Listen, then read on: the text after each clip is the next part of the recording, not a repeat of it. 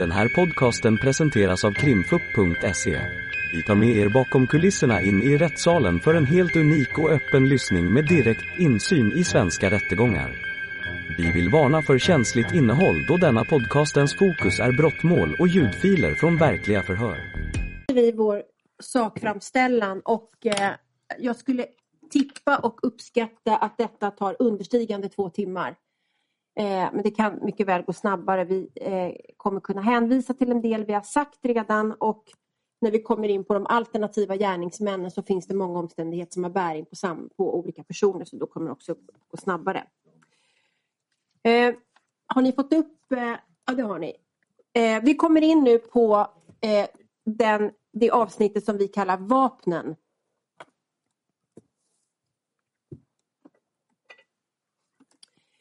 Eh, här har ju åklagaren under sin sakframställan och i det här målet gjort en stor affär av att Hassan skriver på Sky att något har klickat.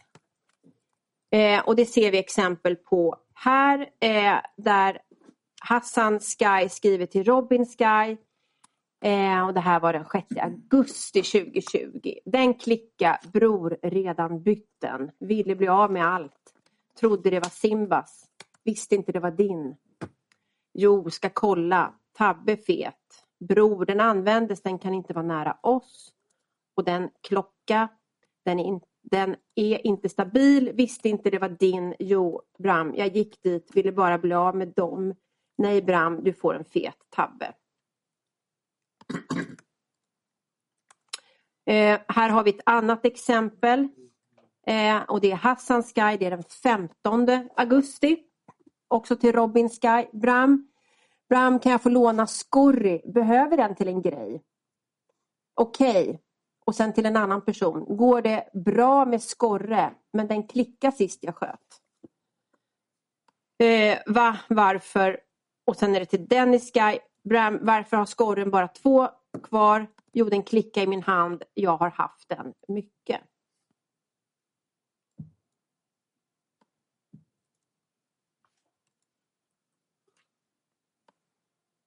Eh, nu ska vi se. Men åklagaren försöker få det här Nej, till att, eh, det här med att klicka. Det försöker åklagaren få till att Hassan pratar om skjutningen på mordnatten. Och det här kommer vi att återkomma till pläderingsvis men vi kan redan nu säga att man inte kan dra den parallellen. Och det finns flera anledningar till att man inte kan göra den här parallellen. Den första, det är att så vitt framgår av de här skychattarna så har Hassan använt en skorpion vid ett stort antal tillfällen. Så den här klickningen som det skrivs om, den kan alltså ha skett vid vilket som helst av dessa många, använd- många olika användningstillfällen. Och här ser vi hur Hassan skriver till Robin att han haft den mycket eh, i samband med att han skriver att den klickar i hans hand. Så som sagt, Hassan har använt ett vapen vid många olika tillfällen. Och det här är ett annat exempel från den nya Sky-tävlingen. Där Hassan skriver till en okänd användare att han inte vill ha något borrat eller klick. Att han har haft mycket av ett av erat märke och att ni juggar älskar den. Alltså, det här vapnet kan ha klickat precis när som helst vid något av dessa många användningstillfällen. Och NFC har ju som bekant undersökt övervakningsfilmen från Shell den 2 augusti och uttalat sig om de mynningsflammorna som syns där.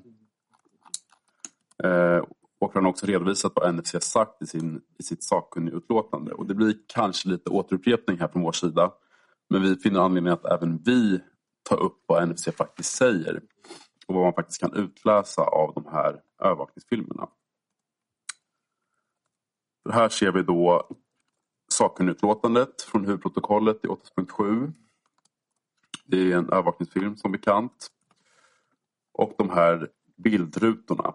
Där bildruta eh, eller där framme 2 och 3 i bildruta 389 390 är de bildrutorna som påstås vara intressanta. Och de här bildrutorna och sakkunnigutlåtandet de leder oss in på det andra skälet till varför vi menar att åklagaren överhuvudtaget inte lyckats styrka sitt påstående om att Hassan pratar om mordet på Adriana när han pratar om ett vapen som klickat. Eh, och det är ju av det enkla skälet att det är inte fastställt att den avvikande mynningsflamman kommer från en skorpion.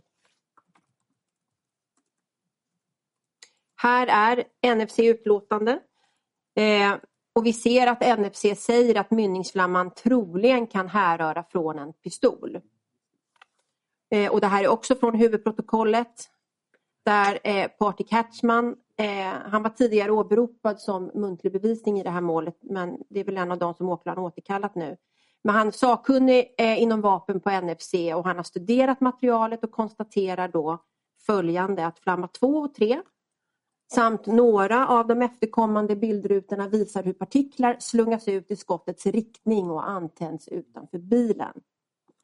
Utseende för skeendet ovan bedöms vara förväntat och ett skott med dålig ammunition avfyras. Skott avfyrat ur en pipa full av vapenfett bedöms inte kunna ge upphov till en flamma med sådant utseende då det i så fall förekommit rök snarare än eld. Flamma 2 och 3 bedöms härröra från samma skott och det syns i intilliggande bildrutor på en närliggande position. Flamma 2 och 3 härrör från ett annat vapen än övriga flammor, troligtvis en pistol. Så vi vet alltså inte vilket vapen de här avvikande minnesflammorna härrör från. Och därtill kommer att en avvikande mynningsflamma det är inte samma sak som att ett vapen klickar. Eh, åklagaren har genomgående försökt få det till att det skulle finnas ett samband mellan mynningsflamman och en eventuell klickning. Men så vitt vi uppfattar det så har hon inte kunnat presentera någonting som visar att det skulle finnas något sådant samband mellan en avvikande mynningsflamma och att ett vapen klickar. Och av intresse är att polisen inkommer med en ganska ledande fråga till NFC den 26 november 2021. Och det här har vi hittat i slasken. Där man frågar om kan en avfyrning med dålig ammunition på det sätt Patrik skrivit om leda till eldavbrott inför nästa avfyrning? Att vapnet efter första skottet alltså inte laddar om korrekt och får eldavbrott. Klickar. Och något svar på polisens kompletterande fråga då finns inte redovisat i förundersökningen eller i sidomaterialet. Vi har i vart fall inte hittat något svar på den här frågan. Eh, vilket föranledde då att vi kontaktade NFC den 25 november i syfte att se om NFC hade lämnat något svar. Och här har vi tagit med ett mejl som jag skrev till NFC där vi eh, ja, helt enkelt hörde om man har svarat på den här frågan. Eh, av svar från NFC den 28 november framgår att man ett år efter polisens fråga ännu inte lämnat något svar. Eh, och det ser ut så här. Eh, Hej Hanna, den fråga har vad jag kan se inte besvarats av NFC i dagsläget. Och så hänvisar då eh, NFC oss vidare till polisen. Och vi vet inte varför NFC inte kunnat besvara den här frågan från polisen. Vi vet inte om det beror på att det inte går att säga om ett vapen kan klicka efter avfyrning med dålig ammunition eller om det beror på någon annan anledning. Men vi konstaterar bara att NFC inte kunnat bekräfta den här tesen från polisen och att det alltså inte finns någonting i utredningen som styrker att skottet i flamma 2 och 3 lett till att skorpionen klickat. Det finns ingen koppling mellan de här chattmeddelandena och utredningen från brottsplatsen. Skorpionen som användes vid skjutningen den 2 augusti den finns ju numera i beslag. Och vapnet har provskjutits av NFC och fungerar så vitt vi förstår utan anmärkning. Eh, och det ser vi här i ett tilläggsprotokoll. Eh, det här är en viktig poäng, det vill säga frånvaro av hylsor är ju inte samma sak som att ett vapen har klickat. Det faktum att man inte lyckats hitta fler hylsor från Skorpionen på brottsplatsen betyder inte att endast ett skott har avlossats från Skorpionen. Frånvaron av fler än en hylsa kan innebära att endast ett skott har avlossats. Det kan också förklaras, av, eller förklaras med att ytterligare hylsor av någon anledning hamnat i bilen snarare än på gatan. Så vitt vi har förstått så har fler än ett skott avlossats vid den här skjutningen än vad antalet hylsor kan ge sken av. Och så vitt vi förstår det så har man till exempel inte hittat en enda hylsa från den sista skottsekvensen uppifrån Sankt Botvids väg. Och det betyder givetvis inte att några skott inte avfyrats därifrån.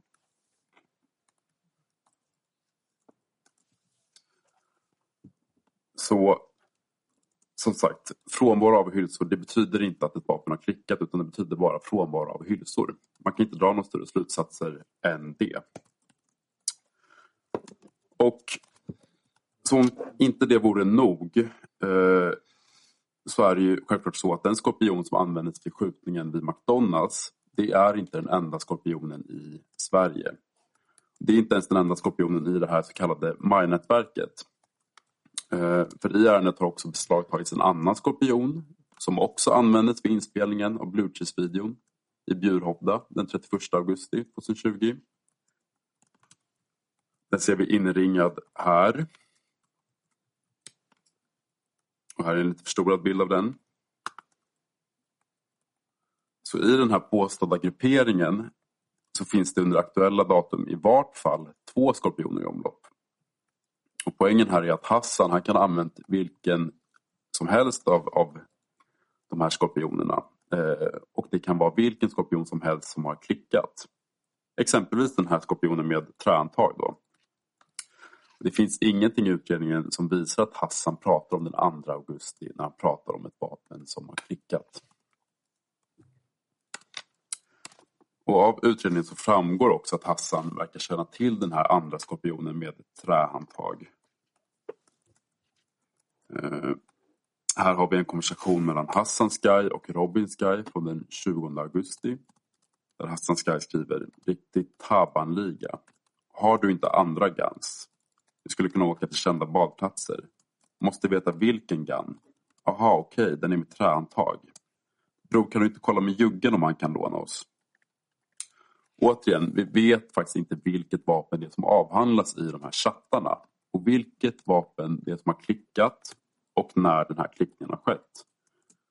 Och den här, den här chattkonversationen mellan Hassan Sky och Robin Sky skulle inte oss mycket, mycket väl kunna tolkas som att Hassan inte vill ha den här skorpionen med träantal av någon anledning.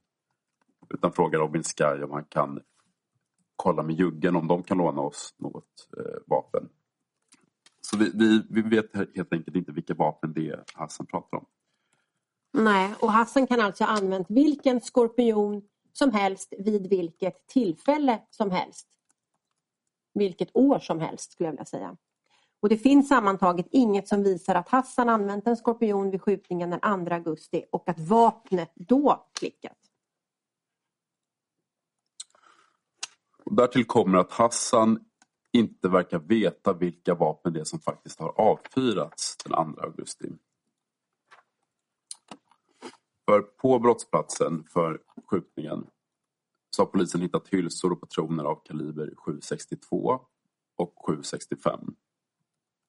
Man har däremot inte funnit några spår som visar att den revolver som är med i Blue Cheese-videon används. Och här hade åklagaren ett avsnitt om att ej identifierade kulfragment från brottsplatsen skulle kunna tyda på att också revolvern används. Men utgångspunkten måste enligt försvarets mening vara att endast bevisning som faktiskt visar någonting är bevisning. Så vi vet faktiskt inte om revolvern har använts vid den här skjutningen. Och i Sky-chattar mellan Hassan, Sky och Robin Gyners så framgår att Hassan anser att vi inte kan ha det här vapnet nära oss. Att Robin är länkad till oss alla att det måste bort och att de kan ha tagit en kula från revolvern och sen se samma räfflor. Så här ser den konversationen ut. Jag hänvisar till den. Men Hassans oro, den verkar i alla fall bottna i att han tror att det är revolvern som har använts vid den här skjutningen. Han verkar alltså inte känna till vilka vapen det är som faktiskt användes vid skjutningen från den vita Audin. För om Hassan hade suttit i Audin och skjutit med Skorpionen, ja, då hade han ju sannolikt oroat sig mer för räfflor från Skorpionen eller AK47 och inte från ett vapen så vitt vi vet inte ens har avfyrats. Mm. Och sen har vi den här underliga och kanske besynnerliga låneförfrågan som vi inte riktigt får ihop med åklagarens påstående om att Hassan suttit i den vita Audin och avfyrat Skorpionen. Den 15 augusti 2020, det vill säga två veckor efter skjutningen och två dagar efter att Hassan träffat Dennis Österdahl i Kista skriver Hassan till Robin Sky och frågar om han kan få låna Skorpionen. Och det ser ut så här. Ram, kan jag få låna Scorry? Behöver den till en grej. Okej. Okay.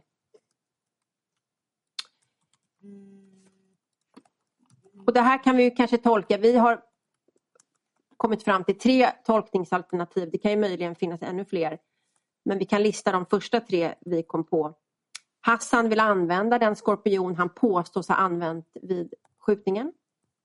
Eller kan det vara så att Hassan vet inte att den aktuella skorpionen används den 2 augusti? Finns det fler skorpioner? Hassan ber om att få låna en av dem och denna användes inte vid skjutningen varför Hassan kan använda den utan att oroa sig. Och det, det första alternativet där, eh, det skulle egentligen innebära att Hassan är helt stenkorkad. Han vill låna den skorpion som han påstås ha använt vid skjutningen den 2 augusti och som han enligt åklagaren har ägnat två veckor åt att försöka göra sig av med. Så vi, vi har svårt att se den här låneförfrågan gå ihop med, med alternativ 1. Och som om inte det vore nog så saknar Hassan motiv till skjutningen den 2 augusti. För åklagaren gör ju gällande att Hassan haft motiv att döda Ilja Jurkovic och Marcel Butros med anledning av relationen till Ali och Ahmad Mazin. Och Ahmad Mazin sköts som bekant till döds i Hallonbergen den 12 november 2018. Och det här har ju åklagaren redan gått igenom. Det vill säga att Hassan besökt Ali Mazin och hans mamma efter brodern Ahmads död. Och samma här att Hassan åker till Karolinska efter att Ahmad skjutits. Men av utredningen har inte framkommit något som tyder på att Ilja Jurkovic och Marcel Butros skulle ligga bakom mordet på Ahmad Masin. Mm. Åklagaren har enbart redovisat ett, en promemoria om en händelse den 28 september 2018. Det var då Ilja påträffades i korsningen Kvistbrogatan-Askersgatan. Längs vägen för en efterföljande biljakt påträffades flera vapen. Så Ilja Jurkovic han åtalades för grovt vapenbrott tillsammans med Marcel Butros. Både Ilja och Marcel frikändes ska vi säga. Åklagaren försöker koppla då Ilja och Marcel till Ahmads död baserat på det faktum att Ahmad Masin vid den här tidpunkten bodde på Kvistbrogatan. Vi vill framhålla här att ingen har ens varit häktad för mordet på Ahmad. Särskilt inte Ilja och Marcel. Och vi vill också att tingsrätten känner till att Hassan har inget otalt med vare sig Ilja eller Marcel. Och det saknas vidare stöd i utredningen för att Hassan haft något som helst motiv i förhållande till de faktiska måltavlorna för skjutningen vid McDonalds. Nämligen Salim Safar och eh, Matai Teimur. Eh, så Hassan har för det första inget motiv till de påstått ursprungliga måltavlorna, Marcel Butros och Haidar al-Shimarti. Och inte heller då till de faktiska måltavlorna. Det finns inte en endaste liten konsonant i den här utredningen som visar att Hassan har något otalt med Salim, Safar eller Matai Teimur.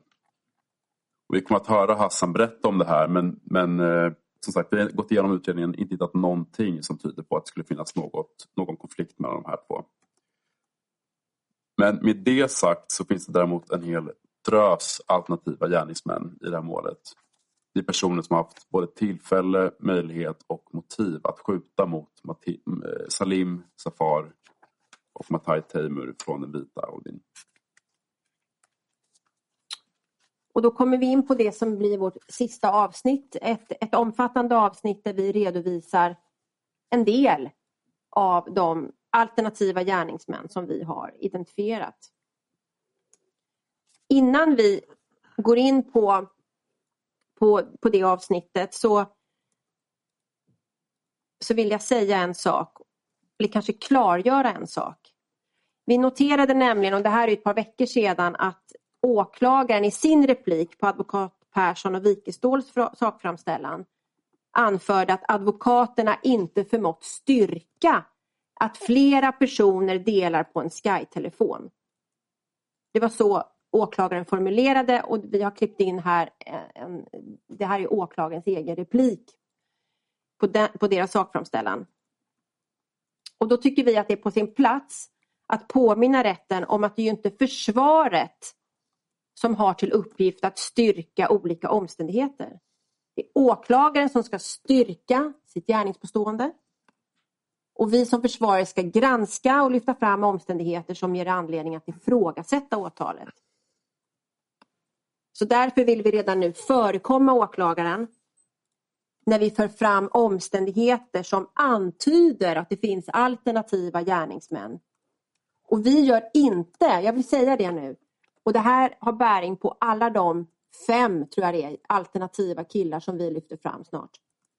Vi gör inte anspråk på att styrka att de här killarna har begått ett mord.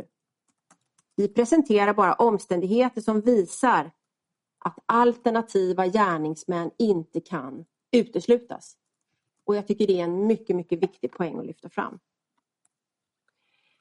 Eh, här har vi försökt rita upp den vita Audin. Och i den här vita Audin så tror jag rätten förstår att vi kan inte klämma in så många personer. Men det vi har gjort här, vi har ritat upp åtalade, det är eh, ettan, tvåan och trean. Eh, och till det kommer det fem alternativa gärningsmän. Och så vitt jag minns så hade eh, våra medförsvarare ytterligare personer som de också hade identifierat som alternativa gärningsmän. Eh, och I vår framställan nu när vi redogör för dessa fem alternativa herrar så ska jag väl säga att det också är utan inbördes rangordning. Eh, och med det sagt så börjar vi med Särkan. Han delgavs misstanke om mord eh, och häktades i sin utevaro den 5 juli 2021. Eh, och innan vi går vidare med att redogöra för honom och det här kommer bli en hel del eh, upprepning utifrån vad våra medförsvarare har redogjort för. Eh, så tycker vi det är viktigt att notera att han är inte bara en alternativ gärningsman i största allmänhet. Utan vi vill särskilt lyfta honom som en alternativ gärningsman i förhållande till Hassan. Och det är av skäl vi redan har varit inne på. Han kallas bland annat för H-bror. Serkan Demirkan är som bekant utpekad skytt av Salim Safar. Vi har lyssnat på det här anonyma tipsantalet, 112. Vi har ändå tagit med ett utdrag från det där vi ser att Salim Safar pekar ut Serkan Demirkan och Furkan Kücükoglu som skyttar. Han är 100% säker. Utan tvekan, det är de som avlossat skotten. Det här är ett utdrag från chattar som åklagaren knyter till den så kallade Norsborgsgrupperingen. Där olika personer efter mordet skriver om bland annat Serkan Demirkan. I sin första konversationen. Bror, skulle du se en vit RS3 hojta till? Det är en bil som försökte japp en vän från Norsborg. Idag i Källmacken. Och de är allierade med horungen och de vill köra på min vän och mig också tydligen. Detta kom precis till min kännedom. Bror, det är några turkar från Norsborg som han tydligen skickade därifrån. Nästa konversation. En tolvåring blev träffad istället. De har antingen snurrat och letat efter någon eller de blev goade. Serkan, turk från Hallunda, skickad från trakten för ett år sedan, har en bror som heter Hakan. Vi misstänker att de umgås med Majka, Syrien. Ja, det är så nu. Det bekräftar från igår. De ropar på Salle går från bilen. Och sen, sedan Salim Safar med en okänd användare. Bror, han som gav bilen för jappningen är från andra sidan. Jag vet vem det är. Killen har fått psykos. Att den användes på sånt. För de som köpte den sa det till Max. Bror, jag kände igen killen som japp mot mig med kallen. Jag är väldigt säker på vem det är som japp och satt i bilen. Och det här är chatten som åklagaren knyter till Vårbynätverket. Eh, den lila färgen här det är inte Hassan Mohammad utan det är Shiraz Sky. En av turkarna som är med horungen. Skicka på den med pil så det går att ladda ner. Vad heter han? skriver Ilja. Shiraz svarar. Hur gör man det bror? Sarkan, kallas Seko. Ja, enligt Sal var han med på grejen igår? frågar användare 2EG. Kira svarar, ja enligt Salle så var det han som ropade på honom. Men han spelade att han var Shorta. Den 7 september 2020 så blir Särkan beskjuten i Vällingby. Och tingsrätten har ju den 16 januari i år dömt flera medlemmar då ur Norsborgsgrupperingen för gärningen. Som alltså tros vara vedergällning för skjutningen den 2 augusti 2020. Särkan och Salim har känt varandra sedan förskoleåldern och det har vi redan hört och de umgicks ännu hösten 2019. Här har vi en anteckning eller snarare en promemoria från polisen om deras umgänge. Av Sky-chattarna framgår att Särkan ligger i konflikt med Söderort. Här tolkar vi chattarna som att det är Särkan som skriver från Benjamin Sky det är jag, står det då, från Benjamin Sky till eh, Robin Sky. Men det är alltså förmodligen Särkan som eh, skriver. Det är jag, Seko. Är, är du ute? Nej bror, Voila. Ja bror, oroa dig inte. Så vidare. Eh, ytterligare ett exempel på det från när Särkan i det här fallet har verkat skaffa sig en egen Sky. Där Serkan Sky nu skriver till Robin Sky i augusti, slutet av augusti då, 2020. Bror, vi måste köra Walla annars vi kör, vi kör aldrig bli av med dem. Och polisens PM angående spaning mot bland annat Serkan Demirkan framgår vidare att ingen av dem som växte upp i de södra förorterna vistades eller bodde där och att förklaringen i det var att det var för riskfyllt för dem att vistas där. Och det här har vi redan pratat om och som rätten kanske minns så följer inte Hassan det här mönstret. Utan Hassan söker jobb på Eleganten, Kungens Kurva. Han handlar möbler på Ikea och rör sig tämligen oförhindrat längs med Röda linjen och i söderort. Och några timmar efter den här vapenstölden ur Burak Atchikens bil den 19-20 juli då skickas meddelanden om den efterföljande bilbranden i en gruppchatt mellan Serkan, Ferdi och Furkan. Och det här är av intresse eftersom åklagarens påstående är ju att det är den här vapenstölden och branden som eskalerar den här pågående konflikten mellan Majnätverket och grupperingarna i söderort. Och den här konversationen mellan Serkan, Furkan och Ferdi eh, den ser vi sagt här. Och det är alltså meddelanden som skickas i direkt samband med den här bilbranden. Och så här ser de bifogade bilderna ut i den här konversationen. Så Serkan tycks alltså i högsta grad involverad eller engagerad i den här händelsen som enligt åklagaren utgör startskottet för den händelseutveckling som vi har avhandlat under den här huvudförhandlingen. Serkan umgås frekvent med medlemmar ur MAI-nätverket. Han har vid mordet ingen egen Sky-telefon men han lånar andras telefoner.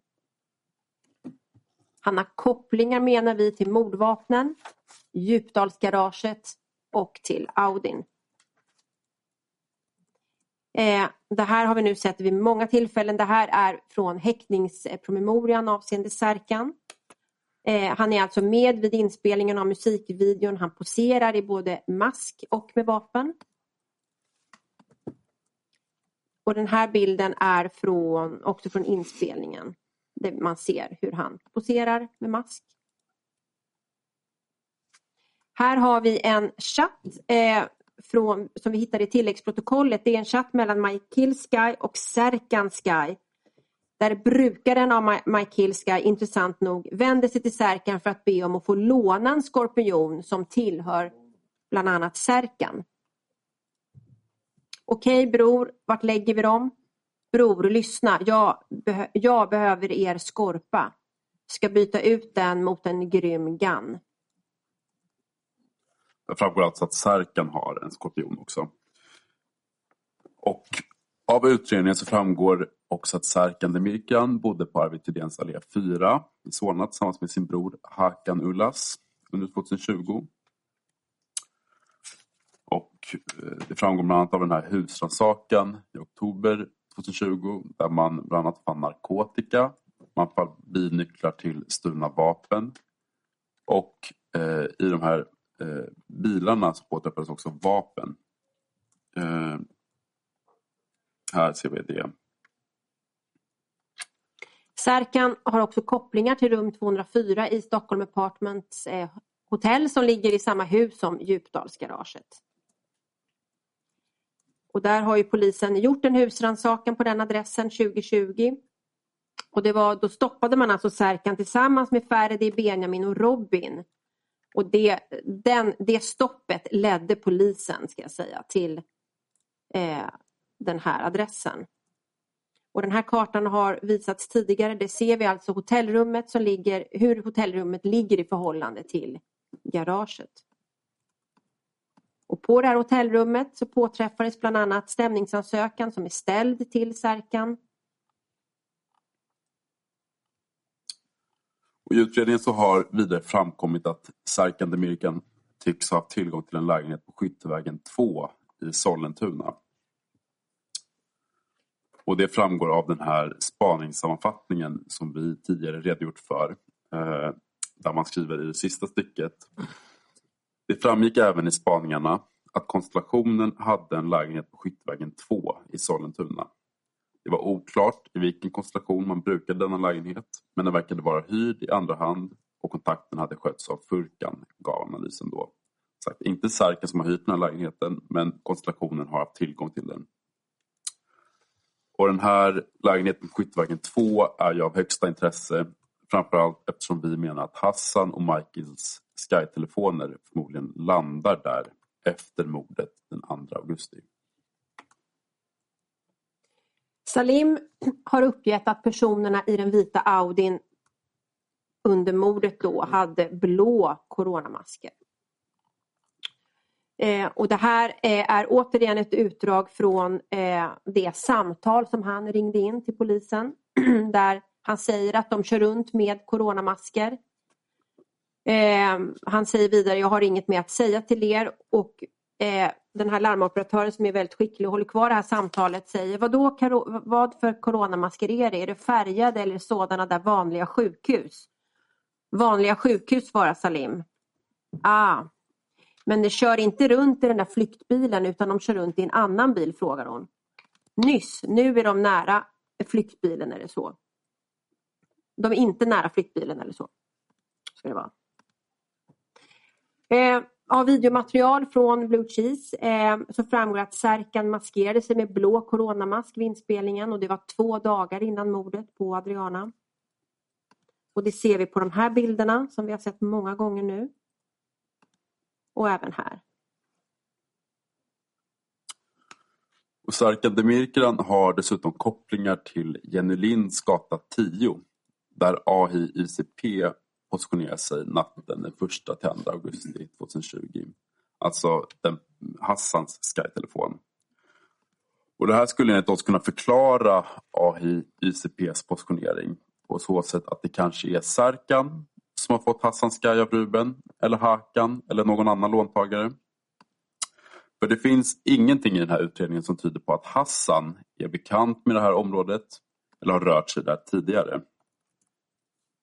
Men det har alltså Serkan. Och angående den här kopplingen mellan Serkan och Jenny Linds gata så har vi ett utdrag här från åklagarens sakframställan i Hundhamraskjutningen Där åklagaren, så vitt jag minns, påstår att flera personer, bland annat Serkan eh, och Charbel, ska ha mötts upp vid Ellen Fries gata 6 innan skjutningen i Hundhamra. Och här ser vi den eh, konversationen på signal i olika samtal. Det är en sammanställning här av, av olika kommunikationer. Där Särkan skriver Ellen Fries gata 6. Och av åklagarens sakframställan framgår vidare att Särkan har rört sig i det här området vid minst ett tillfälle till nämligen den 9 juni. Det här är från en spaningsnotering då. Jag läser första stycket där.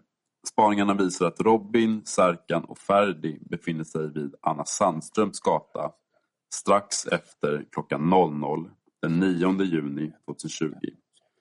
I samband med spaningarna påträffas en stulen bil på samma gata. Och Ellen Fries gata och Anna Sandströms gata Båda de ligger väldigt nära Jenny Linds gata 10. Det ser vi här att det, det rör sig egentligen om parallellgator på ett mycket litet område. Så Sarkan har alltså påvisad anknytning till den plats där Hassans Sky-telefon sig natten den 1 till 2 augusti 2020. En plats där Sarkan med flera har kopplingar till men Hassan helt saknar visad koppling till. Sarkan saknar alibi vid mordet på Adriana.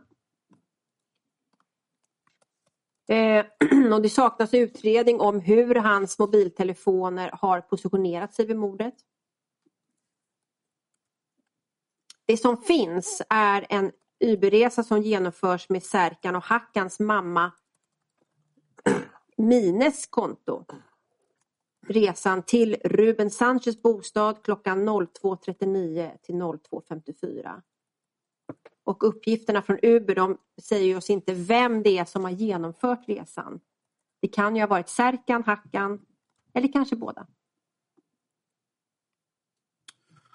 Och Särkan har som våra medförsvarare också redogjort för tillgång till ett källarförråd vid slutdestinationen för den här Uberresan. Alltså Tobaksvägen där också Ruben Sanchez bor. Och att så är fallet framgår av det här PMet. Eh, hänvisar till det. Men Sarkan verkar alltså ha åkt till en plats innan mordet där han har tillgång till ett källarförråd där vi inte vet vad som har förvarats. Och precis som advokaterna Persson och Wikerstål nämnde så har man inte gått in i det förråd där en narkotika och vapenhund markerade. vi vet faktiskt inte vad som har förvarats här men vi konstaterar att säkert har tillgång till ett förråd på den här adressen.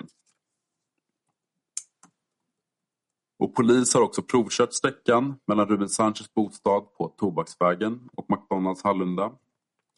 Av den här provkörningen så framgår att Särkan har haft möjlighet att lämna Tobaksvägen klockan 02.54 och med marginal anlända till McDonalds vid tidpunkten för skjutningen från den vita Audin. Och så här ser den provkörningsuppgiften ut. Eh, vi ser här att om man kör fort så tar det inte mer än 12 minuter. Om man kör i, i skyltad hastighet eh, tar det cirka 23 minuter. Också det är tillräckligt för att Särkan ska ha kunnat hinna till McDonalds utan att överträda en enda trafikföreskrift. Enligt Sky-meddelanden efter mordet så verkar Särkan vara stressad. Han upp, uttrycker det som att situationen är knas. Eh, och det ser vi här. Eh, Jag ska säga då att det är Särkan som kallas för Simba. Eh, det är Benjamin Sky eh, till Robin Sky men här har vi dragit slutsatsen att det är i själva verket Särkan som skriver till Robin. Bror, lyssna. Nu grabbarna kommer mot er, sover i Solna och jag, Ruben, jag Ruben i Hökis. Spanen kommer vara på båda håll. Och det här var alltså den 4 augusti. Eh, Alosh ska lösa hela grejen. Efter bäcknisen imorgon eh, går ej in på in under dagen, dagen ditt ändå. Bror, få tag på M via Charbel och såg till kanske. Han situationen är att det är knas. Han har väntat hela dagen. Han kommer åka själv och göra det nu tror jag. Simba. Efter mordet på Adriana så drar alltså Serkan till Turkiet och han har fortfarande inte kommit tillbaka till Sverige. Och innan vi, vi går in på nästa alternativa gärningsman så vill jag framhålla det här som min kollega sa tidigare att Serkan är inte bara annan okänd gärningsman utan han är en alternativ gärningsman i förhållande till Hassan Mohammad. Bland annat därför att han kallas för H-bror. Det är viktigt att ta med sig. Nästa alternativa gärningsman är Hakan Ullas. Också delats misstanke för mord och suttit häktad för det här mordet. Hakan kallas för H, Lilla H, Spider. Och i Skychattar mellan medlemmar ur Norsborgsgrupperingen så nämns Hakan Ullas i diskussioner om mordet på Adriana och en kommande vedergällning. Och här ser vi ett utdrag från en sån chatt där Hakan omnämns. Den här har jag redan redogjort för så jag tänkte hänvisa till den. Men här omnämns Hakan också i en chatt mellan Salim och en okänd användare från den 8 augusti. Bror, vet du, kan ta fram, han forskar så mycket du kan. Bror, bara kolla upp allt du vet om dem och säg till. Vet du något om Hakan? Skiter i hans bror just nu. Vill ha Särkan. Allt du vet om Särkan och alla dem, säg till bror. Så Hakan omnämns alltså i, i den här kartläggningen och eh, fortsätter kartläggas av andra medlemmar i Norsborgsgrupperingen. Här ser vi en konversation mellan Mattias Sky och Johannon Sky från den 5 augusti, alltså bara några dagar efter mordet. Där man skickar uppgifter om Särkan och Hakan, deras adresser, fordon. Och den här informationen vidarebefordras i den här grupperingen mellan andra användare. Också andra personer i Hakans närhet verkar ha hört att han har deltagit i skjutningen.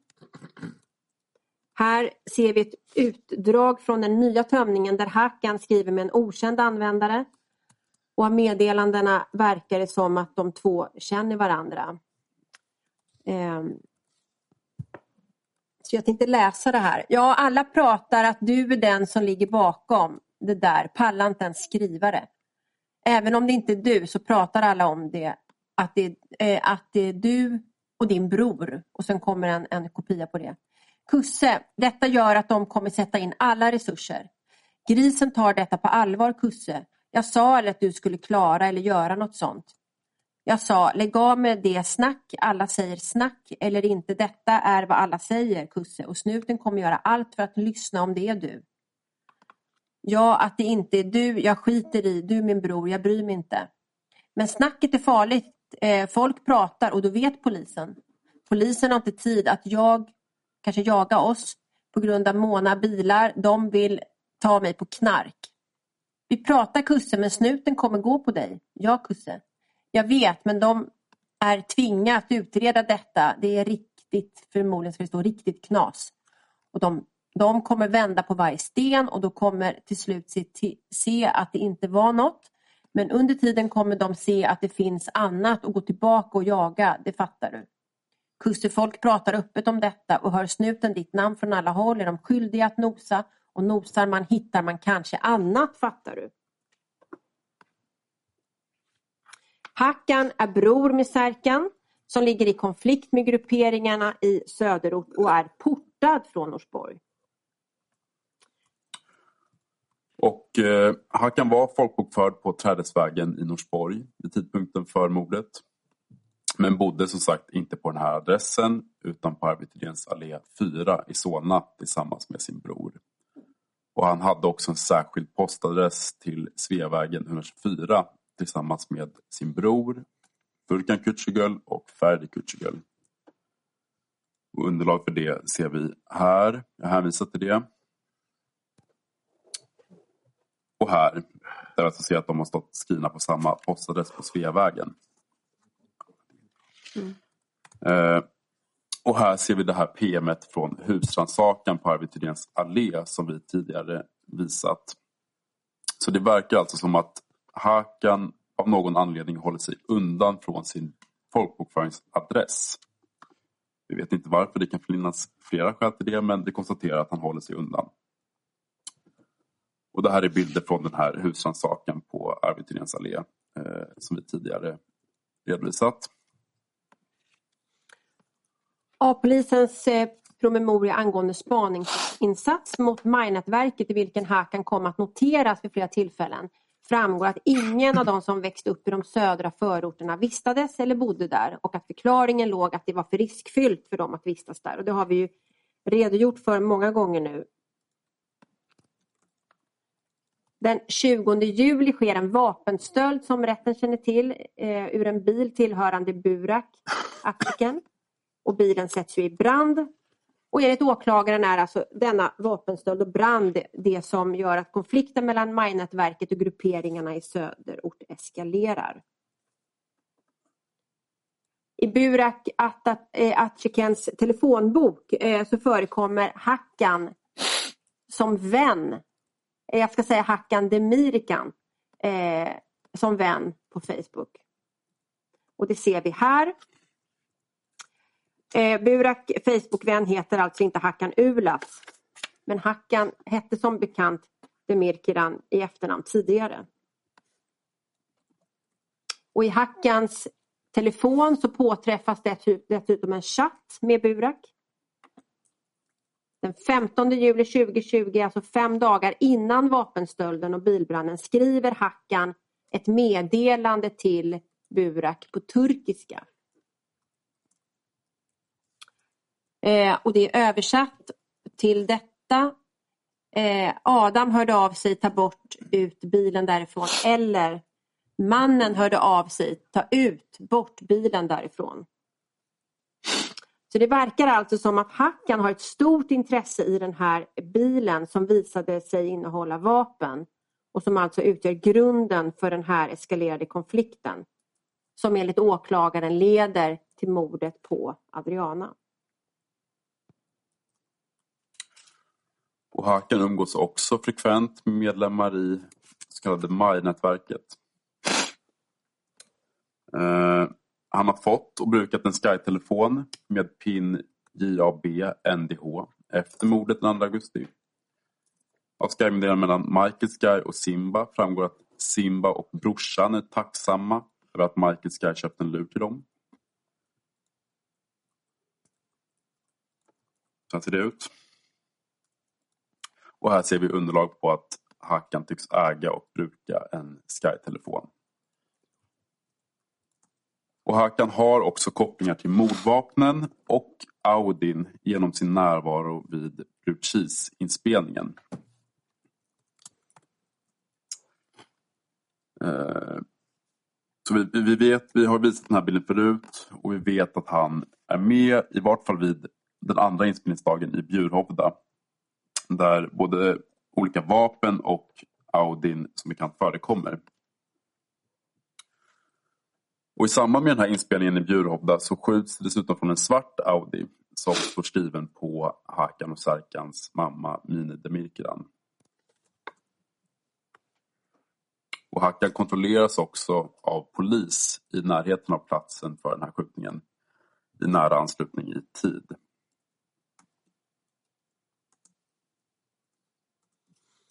Av Sky-chatten mellan Hakan och Benjamin Sky framgår vidare att Hakan har tillgång och kontroll över inpasseringen till ett garage.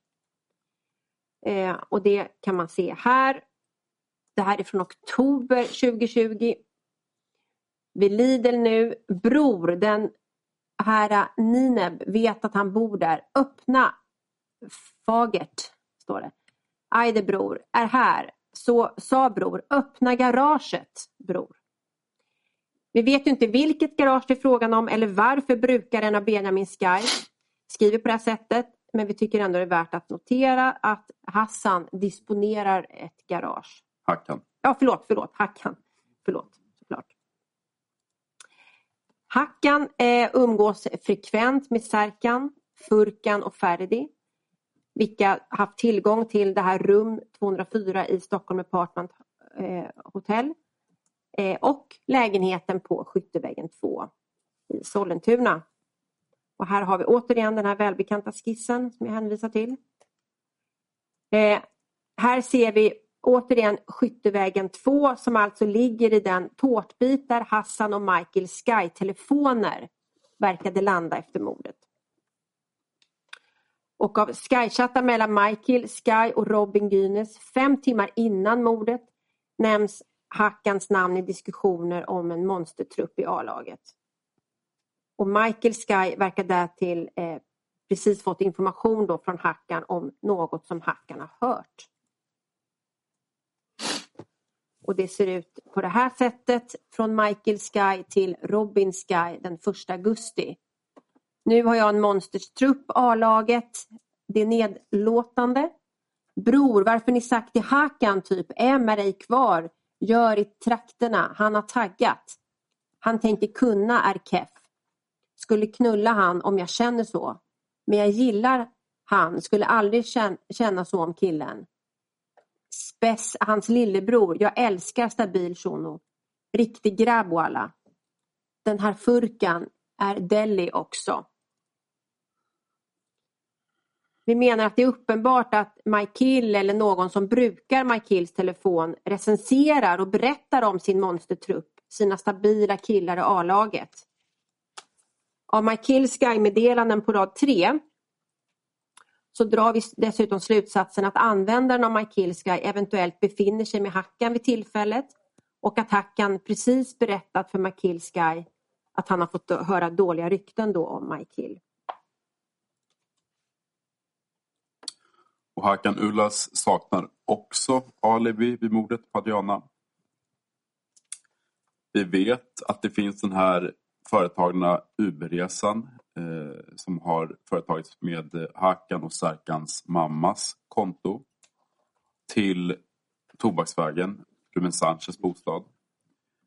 Vi vet som sagt inte om det är Hakan eller Serkan som tar den här taxiresan eller om båda gör det. Eh, men precis som våra medförsvarare varit inne på så verkar i vart fall Hakans GPS-positioneringar i samband med den här resan tyda på att han i alla fall är ute på gatan innan passageraren kliver in i den här Uber-bilen. Men vi vet faktiskt inte vem av dem det är som åker. Men precis som Sarkan så har Hakan tillgång till ett källarförråd på Tobaksvägen. Och det har framkommit genom det här PMet från husrannsakan på Arbetidéns allé. Där man påträffade då nycklar till här, de här källarutrymmena på Tobaksvägen 20 till 14. Och det här har vi redovisat ifrån till Serkan Demirkan. Men vi påstår också att Hakan Ullas därmed också haft tillgång till den här, eh, det här källarförrådet. Och precis som i Särkan så har polisen provkört sträckan mellan Ruben Sanchez bostad och McDonalds i Hallunda. Och det har funnits möjlighet att lämna Tobaksvägen klockan 02.54 och med marginal anlända till McDonalds vid tidpunkten för skjutningen från den vita Audin. Och den här provkörningsuppgiften har jag tidigare visat så jag hänvisar till den. Och klockan 13.12 den 2 augusti, alltså knappt tio timmar efter mordet på Adriana, då genomförs en till Uberresa som betalas med Hakans mammas bankkort. Och den här resan går från Gustav de Lavalls torg 8 i Nacka till Hakans bostad på Arvid Thydéns allé i Solna. Och det ser vi här ur tilläggsprotokoll 3. Och när Hakan grips på Arlanda då har han på sig nycklar som går till Gustav de Lavalls torg 8. Och varför är den här adressen intressant? Jo, för att flera personer i Maj-nätverket eh, har vistats på den här adressen eh, sommaren 2020. Det framgår bland annat i, av det här PMet. Och vid husrannsakan på Gustav de Lavalls torg 8 framkom att lägenheten är sparsamt möblerad, att den saknade kläder och sängkläder samt att känslan var att lägenheten användes som övernattningslägenhet. Eller då eventuellt som en så kallad tryckerslägenhet. Här ser vi det avrapporterings-PMet. Så det är alltså inte otänkbart att Hakan åkt till den här lägenheten efter mordet, att han har legat där och tryckt för att sedan ta sig vidare hemåt när saker lugnat ner sig något. Den 2 augusti lämnar Hakan Stockholm och reser till Malmö och det har våra kollegor redogjort för. Eh, och det var uppgifter som vi hittade i slasken. En betald parkering med Särkans kort. Men enligt Hakan, så vi har förstått det från förhör med honom, så är det han som har gjort den här betalningen. Och det har vi redogjort för.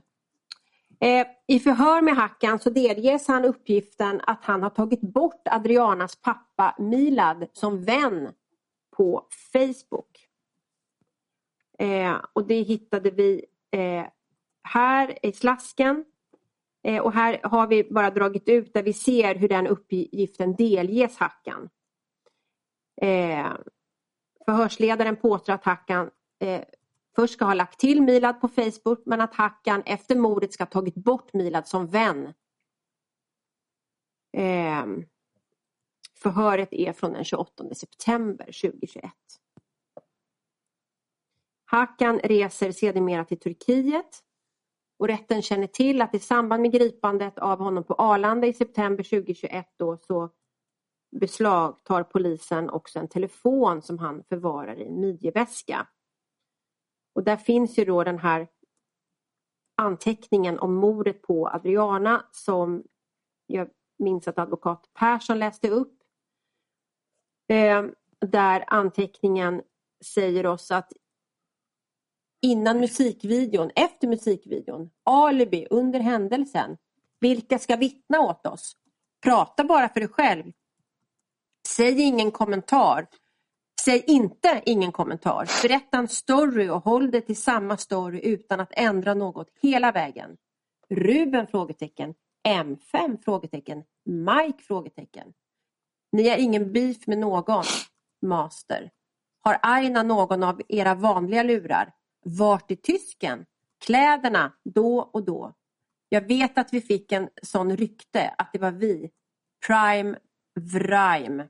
Kanske ska betyda någonting annat. Har du haft Sky? Ja eller nej? Eh, och i en annan telefon vet ni så, som också tillhörde hackan så påträffades då bilderna på den vita Audin och det ser ut så här. Det har visats tidigare.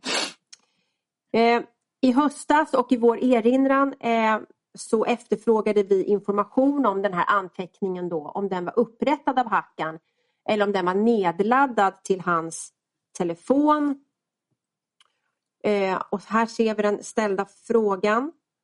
Eh, det vill säga, går det att avgöra om anteckningarna som redovisas nedan skapades med mobiltelefonen eller synkroniserades till den via molntjänst?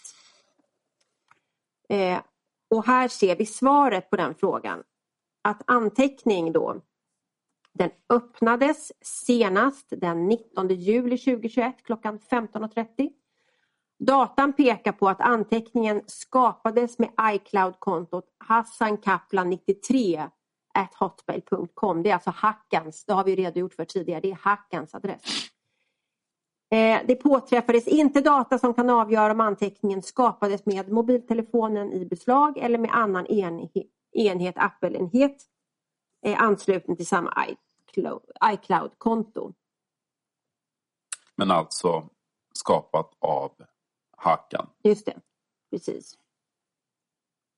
Efter häktningen av Hakan, eh, att häktningen av Hakan har hävts så känner rätten till att han då skapar det här Instagramkontot Sallegolaren där det läggs ut då bilder på Salim Safar samt material då från Hakans häktningspromemoria. Och det ser vi här och det har också åklagaren tidigare redovisat. Precis som vi hörde förra veckan så verkar också Hakan dessutom ha erkänt att han suttit i den vita Audin vid mordet på Adriana. I en, i en Sky-konversation mellan Salim Safar och Johannon så skriver Salim Safar om vad som verkar vara ett möte mellan Hakan och en annan person. Jag läser upp här. Hakan hade sagt vi ska knulla de här horungarna från Norsborg. De är horor. Ingen av dem vågar gå ut. Vi japp mot dem. Vi missade. De sprang. Vi ska japp dem en efter en. Sen han nämnde tjockisens namn. Han hade sagt jag ska japp han i pannan. Vi ska knulla hela Nordberg. En efter en. Vi ska japp dem i pannan. Sådana saker. Och precis som våra kollegor eh, Persson och Wikerstål redogjort utförligt för så finns det olika sätt att tolka det här meddelandet. Med att de har presenterat väldigt rimliga tolkningsalternativ som enligt oss eh, visar att det här är fråga om ett erkännande. Och ett erkännande som dessutom har bäring på Serkan Demirkilan.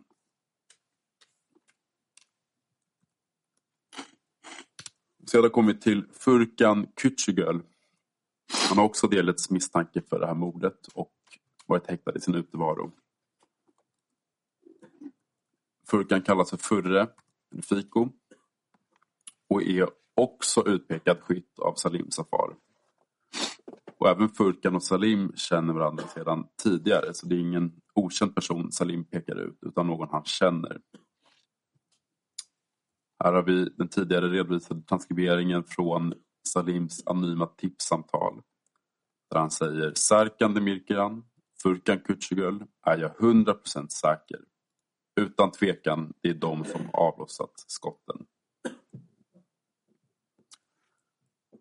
Och också Furkan blir beskjuten i Vällingby den 7 september. Eh, och flera, flera medlemmar i den så kallade Norsborgsgrupperingen döms ju för den här gärningen som som sagt tros vara en vedergällning för skjutningen den 2 augusti. Och I chattar mellan medlemmar ur Norsborgsgrupperingen nämns eh, Furkan i diskussioner om mordet på Adriana och en kommande vedergällning. Det här har jag tidigare redovisat så jag hänvisar till det. Men Furkans namn nämns man skickar bilder på Furkan. Skriver detta är två utav dem som är med Michael. Och så är det två bilder. Eh, här, den här föreställer Furkan Kücügöl. Och den här bilden skickas samma dag som mordet på Adriana. Ytterligare exempel. Två okända användare. Vem man ville skjuta. Eller vem som dig. Salle från Norsborg. Två bilder horungens tur två turkgossar från Norsborg. Så du vet. Hallunda, Norsborg. En annan konversation. Va? Jaha bror, det här, det är några turkar. Ren slump.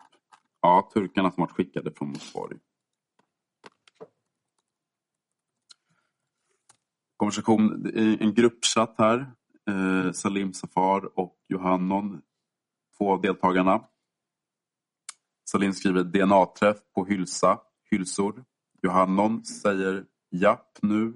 Kommer de åka på live istället? Nikemo bre. 100% Särkan eller Furkans DNA.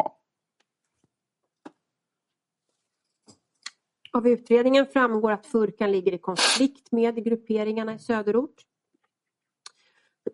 Det här var ju det fordonsstoppet där eh, Furkan då plockades in i en polisbil och när han skulle då eh, ta farväl av poliserna så står det i den här promemorian att han ber oss i mitten på sidan, han ber oss istället köra oss till sina vänner eh, som nu står och väntar i parkeringshuset i Hallunda centrum. Furkan berättar att det inte är något allvarligt de bråkar om men att han undviker Hallunda Norsborg för att det inte ska bli tjafs. Eh, han säger att det har varit så ett tag men att konsekvenserna om de träffade på varandra inte skulle bli så allvarliga med vapen och så vidare eftersom de är barndomsvänner.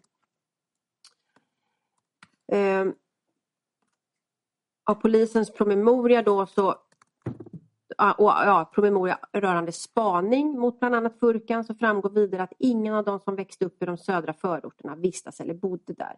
För det var för riskfyllt och det har vi nu redogjort för. Men vi tar med det här eftersom det här har bäring även på Furkan. Då. Av utredningen framgår vidare att Furkan synes ha människor som goar åt honom. Eh, och vi lyfter fram detta eftersom han kanske inte är en person som enbart ägnar sig åt narkotikaförsäljning utan lite mer avancerade saker och vi har hittat då en konversation eh, mellan Furkan och en, en annan person som heter Al-Wazir. Där det pratas på det här sättet. Hur är det med Seko bror? Har han kommit ut? Hur mår han? Han mår bra bror. Han mår bra bror, han kommer komma ut från sjukhuset på torsdag. Aj, aj, stabilt ska lösa den där. Go, ska kolla. Ah broder, prata med henne. Alltså angående ska lösa den där Go. Prata med henne imorgon. Säg till henne att hon får para också, bara hon ser honom där. Och bror, säg till henne att, att det är jätteviktigt att hon inte leker med luren eller något annat för hon kan missa honom då.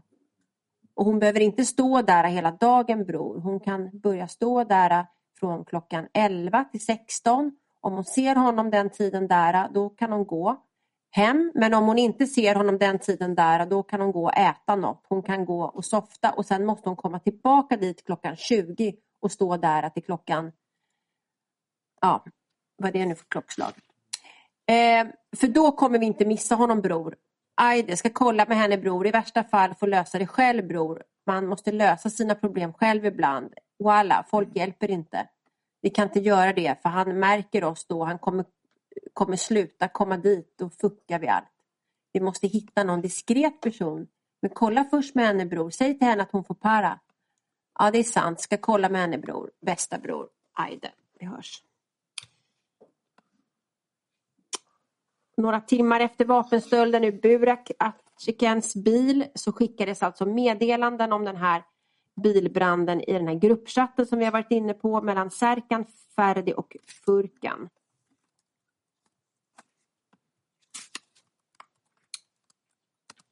Och av skychattar mellan Salim Safar och andra medlemmar i Norsborgsgrupperingen så verkar det också vara den här grupperingens uppfattning att det är vapenstölden som utgör motiv för Furkan Kücügöl att beskjuta Salim. Så här skriver Salim till en okänd användare. Ferdi blev kriminell för sex månader sedan och Furkan har jobbat hela sitt liv i supergrossen. Det han har gjort är att hämta folks kassar och vara en TP. Bror, de har blivit örfilade för en shunos tabbar försvann. Han har tvingat dem gå japp.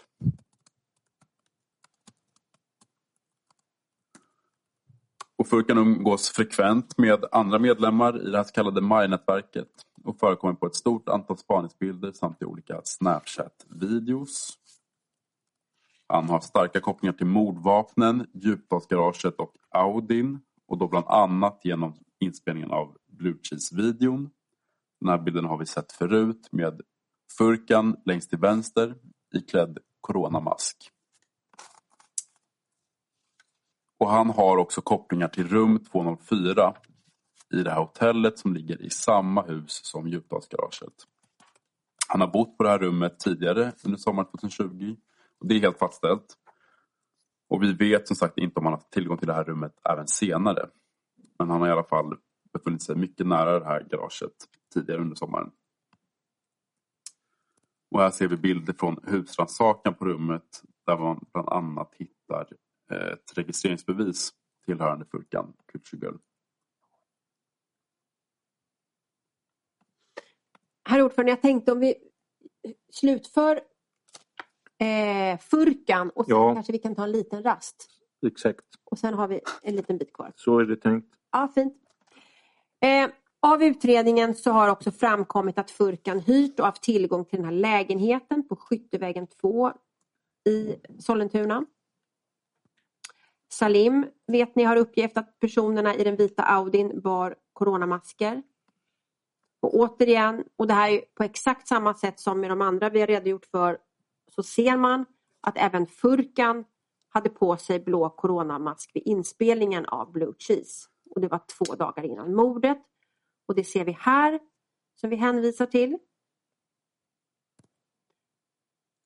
Furkan saknar alibi vid mordet på Adriana. Till skillnad från åklagaren så påstår vi att han saknar alibi alltså. Och att hans beteende snarare antyder att han har suttit i den vita Audin vid tidpunkten för skjutningen. Av sammanställning av höklister i utredningen så framgår att Furkans telefon positionerar sig mot Sundbybergsvägen klockan 19.18 den 1 augusti. Och nästa positionering sker först klockan 12.54 dagen därpå nära Skyttevägen 2 i Edsberg. Och här tänker vi att rätten bör notera att Skyttevägen 2 ligger alltså inom den tårtbit där Hassan och Michaels Sky-telefoner verkade landa efter mordnatten. Den här bilden har vi tagit med för att illustrera en brist på just positioneringar i polisens sammanställning av HTM-uppgifter. För här ser vi att det rör sig om en anmärkningsvärd radiotystnad. Och som vi snart kommer se så finns en mobilaktivitet på Furkans telefon under den här perioden. Men av någon anledning så tycks mobilens positioneringstjänster vara helt avstängda. Och av stort intresse det är att också Furkan Kürtschgöl, han verkar också ha direkta kopplingar till Burak Artziken som disponerar den här bilen ur vilken vapnen snos eh, den 19-20 juli. För sent på kvällen den 1 augusti så får Furkan ett sms från Burak Artziken. Och det ser vi här, men tyvärr framgår det inte av utredningen vad som skrivs. Eh, men vi ser bara helt enkelt att, att Burak har skrivit ett meddelande till eh, Furkan Kutschugöl kvällen den 1 augusti. Och det här har åklagaren inte tagit upp i sin sakframställan. Och enligt försvaret så ger utredningen vid handen att det är Amanda och Ruben Sanchez som använder den så kallade Green Panther-telefonen kvällen 1 till 2 augusti, inte Furkan Kutschugöl. Och det följer egentligen av innehållet i, i åklagarens själva bevisuppgift och då särskilt punkten 52 här. Och vi ska nog ärligt säga att vi inte riktigt är säkra på vad åklagaren försöker göra gällande här. Alltså om hon tänker sig att det är Amanda och Ruben som brukar telefonen den här kvällen. Eller om det, hon menar att det är Furkan som kan ha brukat den och kört runt narkotika den här kvällen. Så därför känner vi oss nödgade att påpeka att kommunikationen från den här Green Panther-telefonen upphör runt 00.00 eh, natten mellan den 1 och 2 augusti. Så om det nu är så att det är Furkan som har brukat Green Panther-telefonen så har han i alla fall haft möjlighet att medverka vid skjutningen i McDonalds. Och klockan 02.17 då går Furkan in på polisens hemsida av oklar anledning. Våra medförsvarare har redogjort för varför man kan tänkas gå in på polisens hemsida. Och sen har vi den här porr besöket klockan 02.55. Och därifrån sker en, en sökning och en video verkar öppnas. Det ser ut så här och vi vill att rätten redan nu lägger den här mindre smickrande sökningarna på minnet. För vi kommer att återkomma till dem. Men eh, notera gärna länkarna här. Adriana skjuts klockan 03.24 och Furkan har ingen mobilaktivitet mellan klockan 02.55, 37 och 03.34, 45. Och här ser vi hur åklagaren tidigare tagit med den här radiotystnaden i sitt häktnings-PM för Furkan Kutschugöl. Han säger att hemlig dataavläsning på, på Furkan Kutschugöls telefon visar att han slutar använda sin telefon eh, samma tidpunkt som Ferdi och Serkan anlände till Tobaksvägen. Furkan börjar använda sin mobil igen först efter det att mordet har begåtts. Detta indikerar att även Furkan kan ha tagit sig till Hökarängen, varit med vid skjutningen och sedan börjat använda sin telefon igen. Och cirka 25 minuter efter skjutningen då registreras besök från Furkans telefon på samma porrsidor som innan skjutningen. Och här har kollegorna Persson och Wikerstål tydligt redogjort för varför porrsurfande eh, inte kan anses vara ett alibi så som åklagaren påstår. Utan tvärtom snarare kan vara förknippat med stress och reaktioner på traumatiska situationer. Men därtill vill vi framhålla att det inte går att utesluta att webbläsaren helt enkelt ligger kvar på de här aktuella porrsidorna. Och att Furkan alltså inte gör någon ny sökning utan snarare bara öppnar sin webbläsare. För så här ser de här porrlänkarna ut efter mordet på Adriana. Om vi jämför dem med porrlänkarna innan mordet så ser vi att det rör sig om samma webbplats, XNXX. Samma sökning på Mature. Vi ser ett, ett, en söknings-ID 5710 7455. Likadant innan som efter. Vi ser också en video med en titel som jag inte kommer läsa upp som är likadan innan som efter mordet. Innan mordet finns, verkar det också finnas någon pop-up-länk och efter mordet finns det ytterligare en video. Men vi menar att man inte ska dra för allt, allt för stora växlar av att Furkan Eh, att det finns porrlänkar på Furkans telefon efter mordet på Adriana utan det kan finnas flera olika anledningar till det. Antingen någon slags tröst, en nallebjörn eller att man helt enkelt bara öppnar sin webbläsare igen varpå de här sidorna kommer upp. Och drygt två timmar efter skjutningen vid Kjell då läser Furkan om händelsen på Expressen.se. Och senare under den här dagen så fortsätter han göra ett stort antal sökningar om en 12-åring som skjutits av misstag.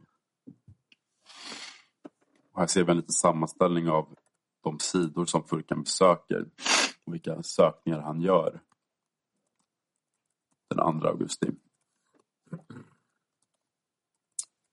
Och efter mordet på Adriana drar Furkan Kutschgöl till Turkiet också som bekant.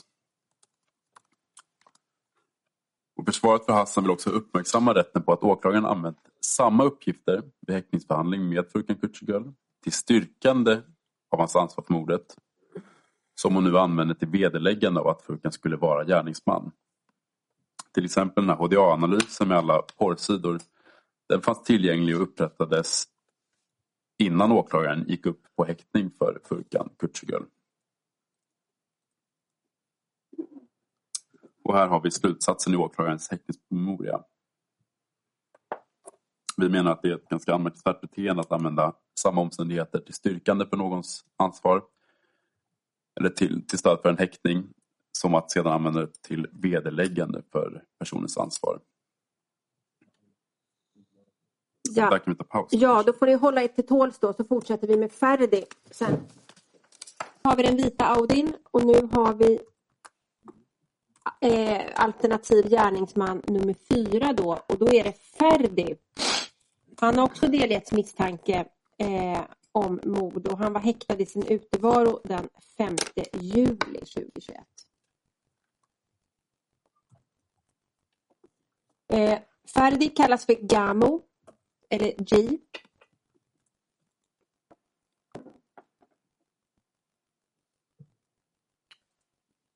Där.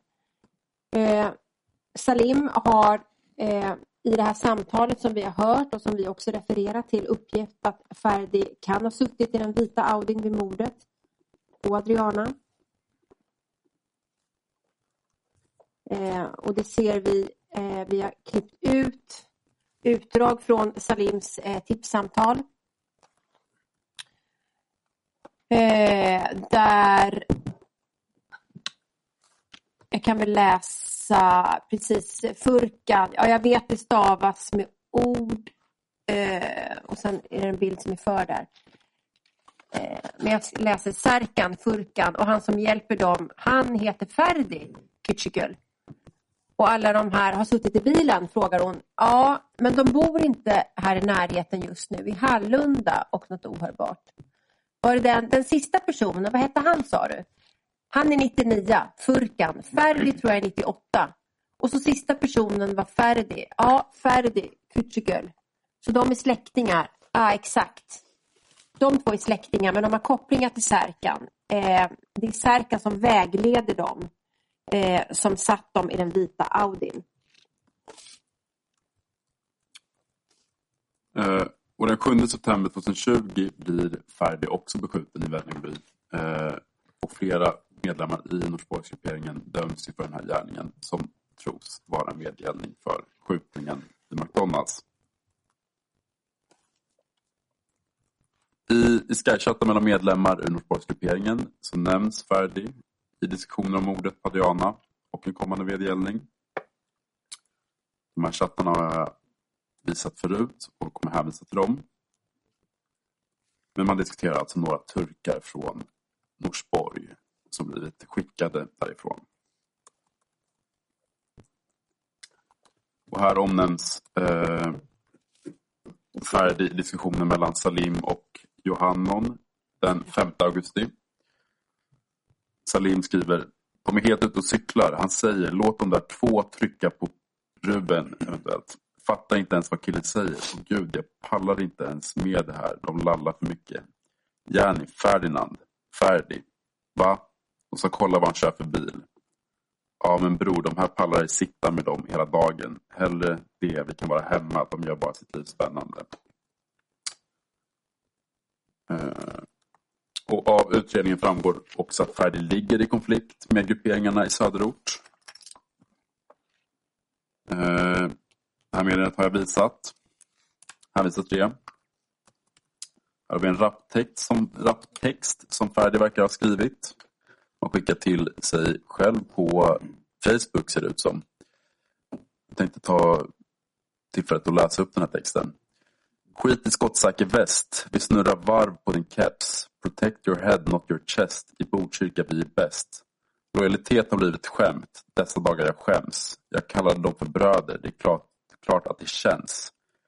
Det gör att jag får psykos. Släpper aldrig min glock. Handen i axelväskan när jag snurrar i mitt block. Min högra hand är busy. Håller hand med min glizzy. En tyngd på mina axlar. Jag är hela tiden dizzy. Hur ska jag vara lugn när de hatar på mitt lag? Jag har inget att säga. Varje hund har sin dag. Jag vill inte ens ha makt. Jag vill bara vara rik. Slänga pengar i luften med hela min klick. Trött på dem som snackar mannen. Gör något eller stick. Jag mantlar tabben i bilen och inte bakom en mick.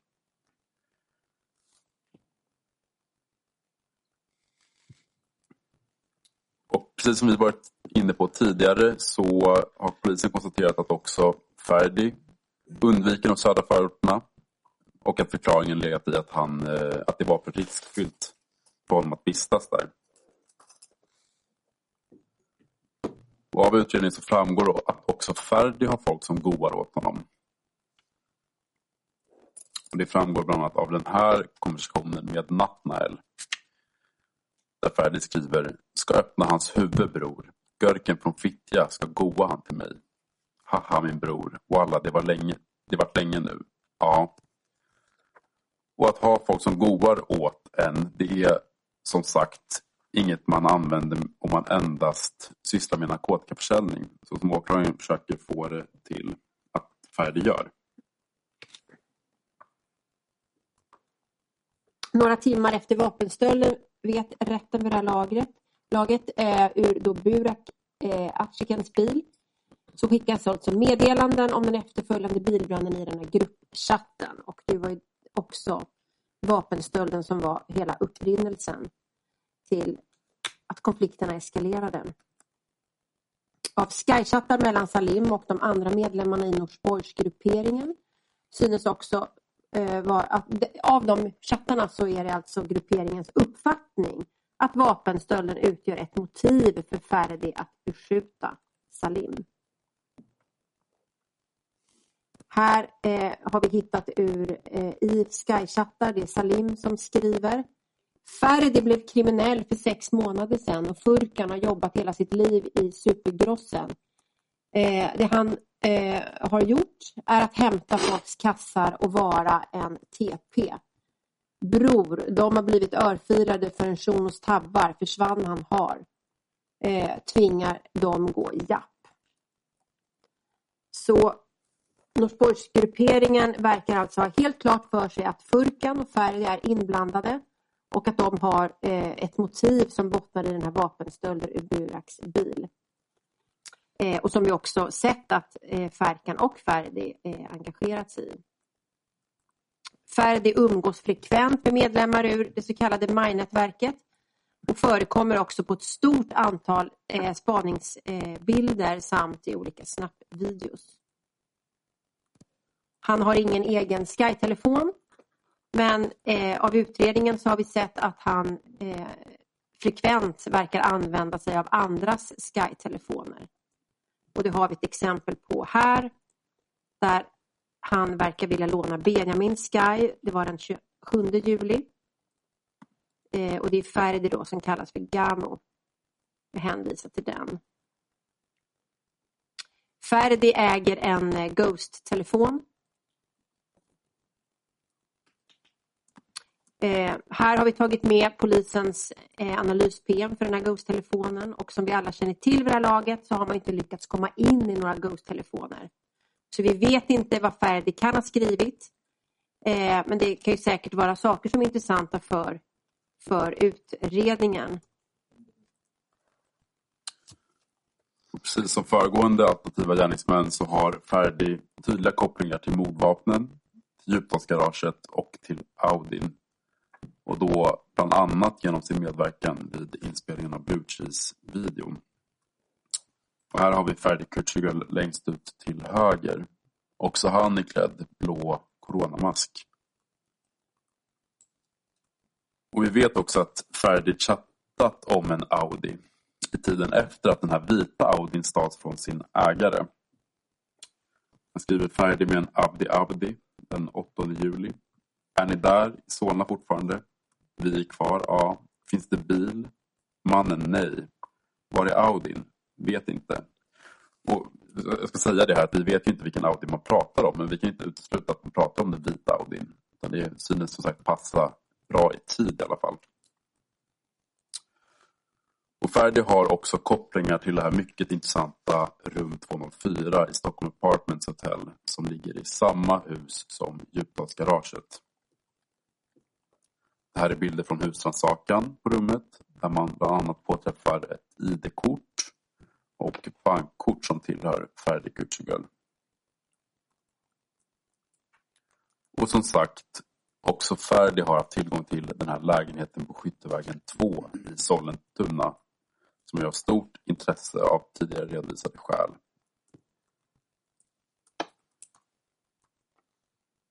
Salim vet rätten vid det här laget har uppgett att personerna i den vita Audin bar coronamasker. Eh, och det vet vi från Blue Cheese-inspelningen och där framgår det även att Ferdi bad, bar en sådan mask. Och det har vi bild på här.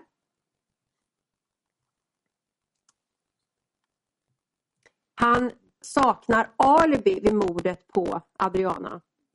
Och återigen, här är vi inte heller överens med åklagaren som hävdar motsatsen. Eh, vi har i slasken påträffat en promemoria eh, där polisen har kontrollerat Ferdis alibi som skulle bestå i att han har befunnit sig hemma hos Ruben på Tobaksvägen vid tidpunkten för mordet och sovit där. Eh, och den här promemorian så vitt jag minns inte redovisade i förundersökningsprotokollet utan någonting som vi hittade i slasken. Då. Och här framgår det att då vissa namngivna personer, det var Amanda, Tyra, Sara, Saga och Tuva, eh, att de inte ger Ferdi alibi vid mordet. Och det här är också någonting som åklagaren inte redovisat under sin sakframställan. Och Ferdi har flera samtal på signal med personer av intresse natten den 1-2 augusti. Men mobilaktiviteten upphör klockan 02.53 och återupptas först klockan 07.57 genom ett samtal med Robin Gyners. Och det finns flera saker av intresse i det här, bland annat kontakten med Robin Gyners, att det är det första som sker. Men av särskilt intresse anser vi är att aktiviteten upphör i princip exakt samtidigt som Furkans eh, telefon slutar positionera sig. Så det finns ett, ett, ett samband där, menar vi. Och här ser vi den, den radiotystnaden. Det här är från bilaga telefontömning, telefonanalys. Jag hänvisar den. Och av sammanställningen av höglistor i utredningen framgår att Ferdis telefon positionerar sig mot Högdalstoppen klockan 02.52.19 den 2 augusti. Därefter är det inga positioneringar förrän klockan 15.53.52 den 2 augusti. Och här ser vi det.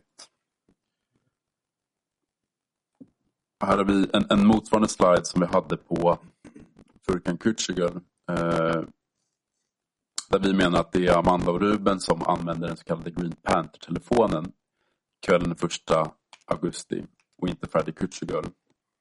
Och jag tror som sagt att åklagaren håller med om det här. Men eftersom vi är osäkra på vad det är som faktiskt eh, påstås så konstaterar vi att kommunikationen från Green Panther-telefonen upphör klockan 00.00. Och om det är Ferdi som har brukat den här telefonen kvällen den 1 augusti så har han alltså haft möjlighet att medverka vid skjutningen vid McDonalds. Det ena utesluter inte det andra. Och efter mordet på Adriana så drar Ferdi Kücügöl till Turkiet. Vi vill även här uppmärksamma rätten på att åklagaren använt samma uppgifter vid häktningsförhandling med Ferdi Kücügöl till styrkande av hans ansvar för mord som hon nu använder till vederläggande av att Ferdi skulle vara gärningsman. Och här ser vi åklagarens tidigare slutsats angående Ferdi från häktnings-PM Furkan Kücügöl. Herr ordförande, vi har kanske 20 Ja, det spelar ingen roll. Vi tar lunchpaus nu och vi ses igen här klockan... Nu har vi inte långt kvar här på försvarets sakframställan och vi har nu eh, vi har kommit till vår eh, alternativa gärningsman i den vita Audin, nämligen Christian Homsi. Han är nummer fem. Eh, här har vi en person som kallas för Tian både med siffror och eh, bokstäver och Anna-Karin 762. Eh. Christian Homsi är eh, bror till Charbel och verkar känna också Michael Jokana ganska väl. Just det, här har vi en promemoria om Christian Homsi och den kriminella miljö som han vistas i. Eh, där polisen skriver i Christians umgängeskrets eh, finns det grovt kriminella personer. Han har flera gånger stoppats av polis i sällskap med personer som dömts till fängelse för grova brott. Christians bror är Charbel Homsi som har ett regelbundet umgänge med kriminella. Däribland Michael Yukana som är grovt kriminell, nätverkskriminell. Charbel ingår i den löst sammansatta krets av kriminella individer som 2020 rörde sig omkring Michael. Eh, då det så kallade MAJ-nätverket. Eller nätverk MAJ står det där. Eh, just det, här har vi en, ett exempel på då de här låttexterna som, eh, som Christian Homsi eh, enligt åklagaren påstår vara en hyllning till Michael.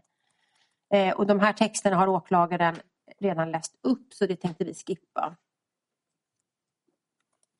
Christian omnämns i Sky-chattar eh, mellan medlemmar ur Vårbynätverket efter mordet den 2 augusti 2020. Och det ser vi exempel på här. Där någon skriver ah, bror, horungen och Tians bror. Vem är Tian bror? Rappare från Västerås. Vad heter han bror? Den här Tian. Vet någon Kärbel som är bra vän med horungen? Horungen sitter i Sollentuna. Han säger till folk att han kommer släppas, att det inte finns någon DNA på tabben och utpressningen har killen tagit tillbaka. Christian Holmes har kopplingar till mordvapnen, Djupdalsgaraget och Audin. Och här har vi de här bilderna som vi alla känner igen vid det här laget där man ser också hans medverkan. Och även här ser vi det. Och det, det saknas positioneringsuppgifter för Christian Homsi mellan klockan 22.51.39 den 1 augusti och klockan 18.28.53 den 2 augusti. Så här rör det sig alltså om en radiotystnad vad gäller positioneringar på cirka 20 timmar över mordet. Och här är underlag på det från polisens sammanställning av hemliga tvångsmedel. Där vi ser den här långa positioneringstystnaden. Christian har överhuvudtaget ingen telefonaktivitet mellan klockan 01.56.36 och klockan 17.16.17 den 2 augusti. Helt tyst. Och här ser vi det. Jag hänvisar till det här. Och under sen eftermiddag den 2 augusti så skriver Christian till Charbel att Charbel ska komma och att alla är hungriga. Och vi vet inte vilka de här alla är eller varför de känner sig förhindrade att själva gå ut och handla mat. Men eh, vi vill i alla fall peka på det här. Åklagaren har ju också redogjort för att Christian Homsi är den som verkar besitta bilnycklarna till den vita Audin efter mordet. Och att han möter upp Robin Gyners i Sollentuna kvällen den 4 augusti för att överlämna dem till honom. Så av någon anledning så har Christian bilnycklarna till den vita Audin efter mordet på Adriana. Den 5 augusti så byter Christian Homsi telefonnummer. Eh, och det här blir en liten kommentar till vad åklagaren tidigare sagt, det vill säga att om man som åklagaren påstår att Hassans chattar med Sky-supporten utgör ett indicium på att han varit skytt så måste Christians nummerbyte enligt vår mening tolkas på samma sätt. Det vill säga, det kan också utgöra ett indicium åt andra hållet. Av utredningen framgår att Christian reser till Spanien några dagar efter mordet. Eh, och det ser vi här när han skriver om det. Det kan ni titta på, jag hänvisar till det. Christian verkar vara angelägen om att man inte ska kunna identifiera bilen i videon. Eh, och det har vi också sett tidigare i det här i sakframställningen. Och utöver de här kända alternativa gärningsmännen så är det uppenbart av chattarna och utredningen i övrigt att det förekommer en mängd olika utförare, jappare, sicarios i den här miljön. Vilka lejs att utföra olika brott med jämna mellanrum. Här ser vi ett utdrag på, på olika chattar från det obearbetade Sky-materialet. Där man skriver om startklara hundragubbar, man skriver om sicarios, om Singin, man skriver om Frankie. Eh, två Sicarios, min Sicario på standby. Det finns en mängd sådana här exempel. Det här är bara ett urval. Och vi vet inte vilka alla de här personerna är som man skriver om. Alla de här japparna, Sicariorna. Eh, men vi konstaterar likt advokaterna Persson och Wikerstål att det inte är osannolikt att man har använt sig av sådana också i det här fallet. Nu har vi kommit till vår sista sida här och eh, vi skulle kunna sammanfatta försvarets sakframställan med i stort sett den här meningen. Att Hassan Mohammed har inte suttit i den vita Audi natten den 1 till 2 augusti. Vi menar att det finns ingenting som knyter honom till brottsplatsen. Det finns ingenting i utredningen som tyder på att han har varit med i planeringen av den ursprungliga brottsplanen. Än mindre i den justerade brottsplanen som kom att inriktas mot de faktiska måltavlorna. Det förekommer inte några meddelanden mellan Hassan, Benjamin och Michael dagarna kring mordet. Han förekommer inte heller i några spaningsiakttagelser tillsammans med andra personer i det så kallade MAI-nätverket, varken före eller efter mordet. Han saknar motiv i förhållande både till de ursprungliga och såväl som de faktiska måltavlorna. Och till detta kommer det som vi har presenterat nu i vår sakframställan, alla brister i utredningen och framförallt då bristerna i åklagarens, vad hon själv kallar sin nyckelbevisning, SKY. Och som om inte det vore nog så finns det också en uppsjö av alternativa gärningsmän som haft såväl motiv som tillfälle att utföra gärningen. Så med de orden så är vi färdiga med vår sakframställan. Tack! Tack! Ni har lyssnat på ett avsnitt av Krimfupps podcast. Tipsa gärna oss på krimfupp.se om det är någon speciell rättegång ni skulle vilja höra. Tack för att ni har lyssnat.